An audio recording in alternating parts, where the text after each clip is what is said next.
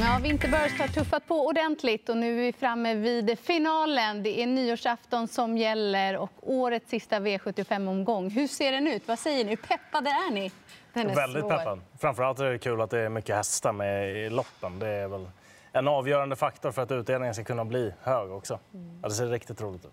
Det är inte lätt att analysera när det är fyra 15 hästars lopp och det är voltstartslopp. Då brukar det kunna hända en del också. Det är trevligt. Ja, får vi se hur förutsättningarna ser ut. Vi ska i alla fall syna favoriterna. Vi börjar här i V75 1 som inte ser enkelt ut på förhand. Då det är 15 ston och knapp favorit då, 13 Katrine S.Å. Carl-Johan Jeppsson i sulken och Marcus B. Svedberg som tränar. Mm. Jag kan börja. Jag tycker att hon faktiskt kan bära favoritskapet i det här loppet. Eh, hon blev ju av med sin rygg dryga rundan hem senast och kämpade på riktigt tappert från utvändigt ledaren. Jag har inte riktigt sett henne som den typen av häst tidigare. Eh, att hon kan göra jobbet själv. Därav så får hon grönt på de där fjuttiga procenten. Men hon är en av tre som jag tycker i alla fall definitivt bör sträckas. Eh, det är hon 13 Katrin Esso, 12 Chantal Jett som såg jättebra ut som fastlåst eh, senast och så 11 Loaded Leila som visade också att hon kunde tävla med skor sist. Så att, ja, eh, lurigt lopp som inleder, men i alla fall en trio där för mig som sticker ut lite grann. Ja, hon skulle egentligen kunna få grönt och får inte mycket spelat, men det blir ändå rött med tanke på läget. Hon har ändå eh, spår 4 volt, eh, det är tillägg, det kan bli väldigt många hästar i vägen, strul under vägen. Men Marcus B. Svedberg har ju två andra med också. Jag tycker alla hans tre hästar ska sträckas. Helst skulle jag vilja sträcka hela bunten i det här loppet. För det svåraste loppet inleder, men jag kommer definitivt eh, ta med nummer ett, Ipanema Beach, med tanke på kusten och. Mm, alltså jag, båda knapparna skulle fungera här, men jag lämnar den röda och trycker grönt på Katarina S till 15. Det är väl ungefär där jag tycker även att eh, 12 Chantal Jett ska ligga. Det är ingen annan som har över 15 procent möjligheter i det här loppet. Alltså det är så pass svårt. Och skrällen jag vill lyfta fram det är Emilia Leo från spår 8. Ett perfekt smygläge för nummer 8, S. Mahatma som inte har segrat här på slutet, men presterat starkt. Varit ute mot bra motstånd och framförallt levererat vassa avslutningar. Bra tempo där och springer benen. Fredrik Wallin har ju verkligen levererat V75-vinnare här på slutet också. Så det tycker jag är luringen till låg procent går vi vidare till V75 2 och här har vi ett klass 2-försök. Omgångens stora favorit, nummer 6, Elvego Khalifa. Ja, men det blir eh, grönt. Han är väldigt, väldigt mycket betrodd. Men vi pratade med Stefan Persson. Han ser inga orosmoln på himlen och han har verkligen varit bäst. Hur mycket jag än synar det här fältet så hittar jag inga riktiga motbud. Det visst ni, eh, säkerligen ni är BB Savicii som kommer försöka bjuda upp till kamp. Men jag tycker ändå i en svår omgång så väljer jag att gå på den hårt spelade Elvego Khalifa för att jag tror att han vinner det här oavsett position. Mm. Han är 63, eh, 60 procents chans är väl ungefär, så jag kan väl köpa att han är favorit. Det blir spik för mig. Jag tycker att han är för bra för de andra konkurrenterna som finns i det här loppet. Först var jag inne på att försöka gardera. Jag hittar inte så där jättemycket eh, annars. BB Savicii brukar gå lite grann på väntan också. Ja. Så nej, eh, jag tror att han kan göra loppet själv. Mm. Här är vi rörande överens. För det är verkligen så här, en eller alla. Då måste jag plocka med alla. Och det är en svår omgång. Och då har jag störst tilltro till eh, favoriten 6, Elvego Khalifa, som är travsäker ska sägas. Det kommer man också mm. långt på. när man De tål ju att göra jobbet själv. Spika en sån här stor favorit som säkerligen också trendar neråt något imorgon. Så en bra spik har vi att bjuda på. Går vi vidare till V75 3 och här är det nummer tre, Felin Burgenheide, som bär favoritskapet till 57 procent. Här kan jag börja. Det, jag tror inte att man kan eh, sätta V75 och betala för alla favoriter imorgon. Nej. Och det har man inte kunnat gjort den här omgången tidigare. Och Felin Burgenheide är en häst som många går på, men jag kommer nog inte betala för henne för att hon är alldeles svårt spelad och framför allt så är det voltstart. Och senast hon hade just spår 3 var det V75 Jägersro. Då kom hon inte iväg och fick en tuff resa. Och när jag kollar tillbaka ytterligare voltstartslopp, jag ser inte hennes kvickhet att hon ska komma till och få bra positioner. Så jag letar vinnare från 20 meters tillägg och har fastnat för Prince Will, nummer 9, som har två lopp i kroppen. Den första räknar jag inte med, för då blev det tidiga lopp. Han hittade en grym toppform i fjol och vann V75 kollar man på honom så tror man inte att det är en V75-vinnare, men vilken inställning han har. Ja, jag tror att det kan bli dags för honom och Carl-Johan Jeppsson. Så det är min första häst, men jag garderar ju där bakom. Man kan säga att han dök upp från ingenstans. Ungefär så var det. Ja. Mm.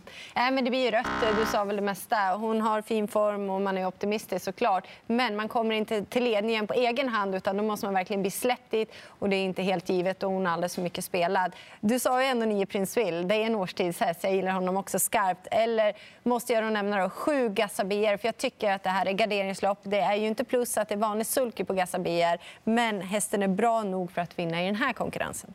Mm. Eh, är där om nummer 9, Prince Will. Det går liksom inte att betala för honom eftersom han har varit så bra just och tävlat på V75 också och vunnit på V75 så det är inga konstigheter där. Eh, han är gjuten, häst nummer 9. Det är väl också nummer 12, Ready Trophy, gjorde ett kanonlopp i den senaste starten. Även om det var ett lunchlopp så var han ändå ute i spåren och bara gnugga på också. Och jag tycker väl någonstans att Mikko Aos hästar ändå har visat den gångna veckan här också att de är lite grann att räkna med. Så den kan vara rolig till några fjuttiga procent. Och så 10 Jackson VS håller ju ganska hög kaliber för ett sånt här lopp. Sen är inte läget så kul och han går mycket bil och så där också. Men eh, jag betalar för honom bara egentligen på ren kapacitet. Mm. Fyraåringar som gör upp i V75 4 och ensam på springspåret ser vi favoriten nummer 6 Breidablix Bombay. 28 procent just nu. Vad säger ni? Det är väl ändå lite mycket, även om han eventuellt då ska gå med första rycktussa som jag tycker är väldigt intressant. Plus att han har ett eh, springspår. Han är startsnabb och det kan vara så att han leder det här loppet länge. Men senaste prestationen lämnade mycket att önska. Därför är det givet att gardera i ett svårt lopp. Eh, Magnus Djuse kör nummer tre, Dira Necessitas. Spännande om han håller i tömmarna och får honom felfritt. Och sen eh, fyra Rendezvous får Åke Svanstedt eh, testa på. Stänkrädd, men man ändrar lite med stänkhuva och sånt. Och eventuellt så blir det ju någonting att rycka kanske. Så att, ja, Peter Johansson har tränat på bra där och kanske skulle kunna få en bra dag. Mm. Eh, här blir det många streck för min del. Jag säga att favoriten har ju haft springspår förut och då har det varit fler hästar på volten också än vad det är den här gången. Så det borde vara en ganska god chans att hitta ledningen. Sen vet inte jag imorgon hur innerspåret blir, för eventuellt skulle det komma lite regn också. Eh, han har ju ett par andra platser här nu eh, den senaste tiden på okej okay sätt. Men jag skulle gärna vilja ha sett lite mer faktiskt. 11 kronor del Selve, klarar den spåret? Ingen aning. Eh, det är ju en italiensk häst och det brukar vara mycket bil även där. Och, dags att lyfta upp några som skulle kunna vinna som är väldigt lite spelade. 14 Vivacious gjorde ju kanonlopp på Eskilstuna senast. Då. Och, det känns som en sån där som kan dyka upp från ingenstans. Det känns som ett sånt lopp. Jag kommer betala för jättemånga. Återigen ett svårt lopp. Ja, men det är det. Brida Blix Bombay är absolut eh, favorit, men är det hela upp till 28 procent? Jag har inte uppskattat vinstmöjligheten dit för att han har haft springspår och också galopperat. Han kan öppna bra, men ingen given. Och som du säger, insatsen senast. Jag vet inte riktigt vad jag kan förvänta mig. Grönt. Nej, förlåt, förlåt, förlåt. Rött. Jag har lite svårt för att knappa den här veckan.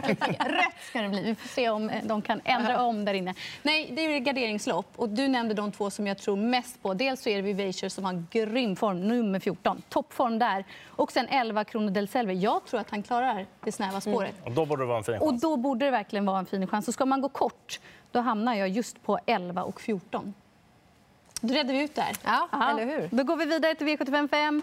Här har vi bronsdivisionen och nummer två Elephant bär ja, ganska knappa favoritskapet. Bra utgångsläge, nummer två. Ja, eh, jag kan börja här. Eh, hade en flagga i det här loppet från förra insatsen på Abyss Wise Ass. Jättefint intryck när den gick ner på stretchen där och avslutade riktigt rejält. Så att Björn Goops häst ska man nog definitivt betala för den här gången. Och sen även nummer sju, Vinci Nice, som satt fast. Och den har, I den senaste starten den har varit ute i jättetuffa gäng emellanåt. Nu är det nog bra att han har fått landa lite och fått ett moralhöjande lopp. Så de två i singelprocentkolumnen känns ju klart tilltalande. Ja, Elefant vann ju från ledningen senast, var bra såklart, eh, men kommer nog inte till spets den här gången. Och jag tror väldigt mycket på nummer 12, Gaylord Am.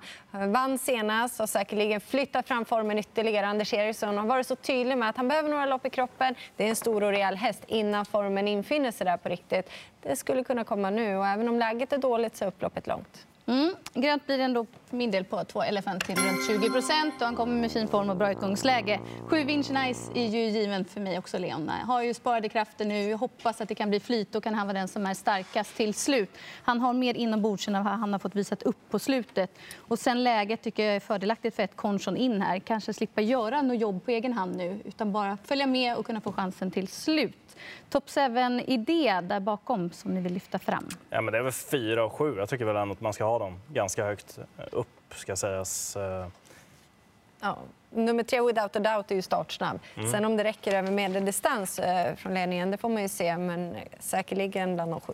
Mm. Klass 1 har vi i V75 6 över sprinterdistans och eh, stor favorit nummer tre Chevras Joker. Ja, som har eh, tagit alla segrar utom en eh, på barfota balans. Därför så blir det rött, även om Björn Goop kommer gasa allt som går för att försöka hitta till ledningen. Men jag tror ändå att André Eklund eh, behöver inte vara ledsen om inte Chevras Joker vinner, för det kanske kan bli tufft.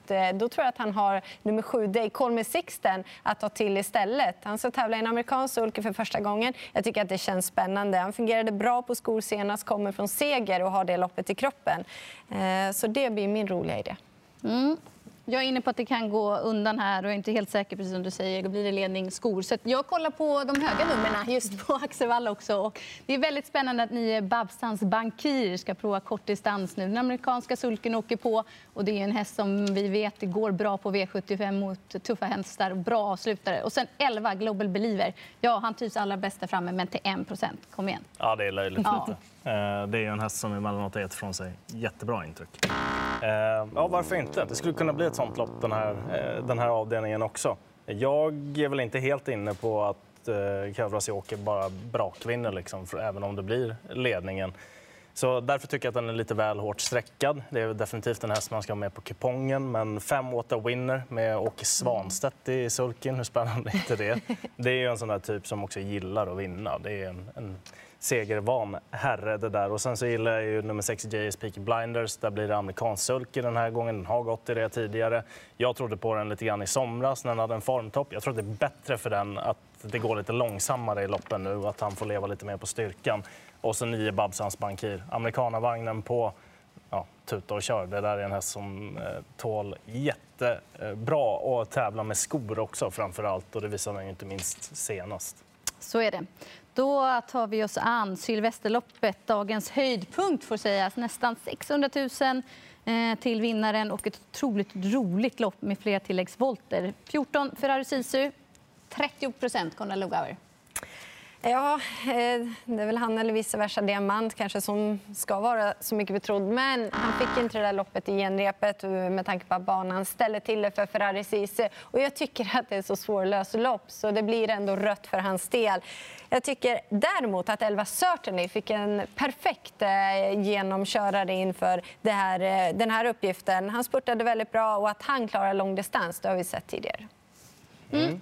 Kör du, Sanna. En del, jag var, ju, var bländande intryck på Ferrari Sisu senast, men som sagt lite långt emellan. Och sen är den där galopphistoriken. Det är en häst som galopperar väldigt mycket får man ändå säga för sin höga klass och så mycket pengar som man har tjänat in. Så jag garderar och det har varit lite svårt för favoriterna i det här loppet.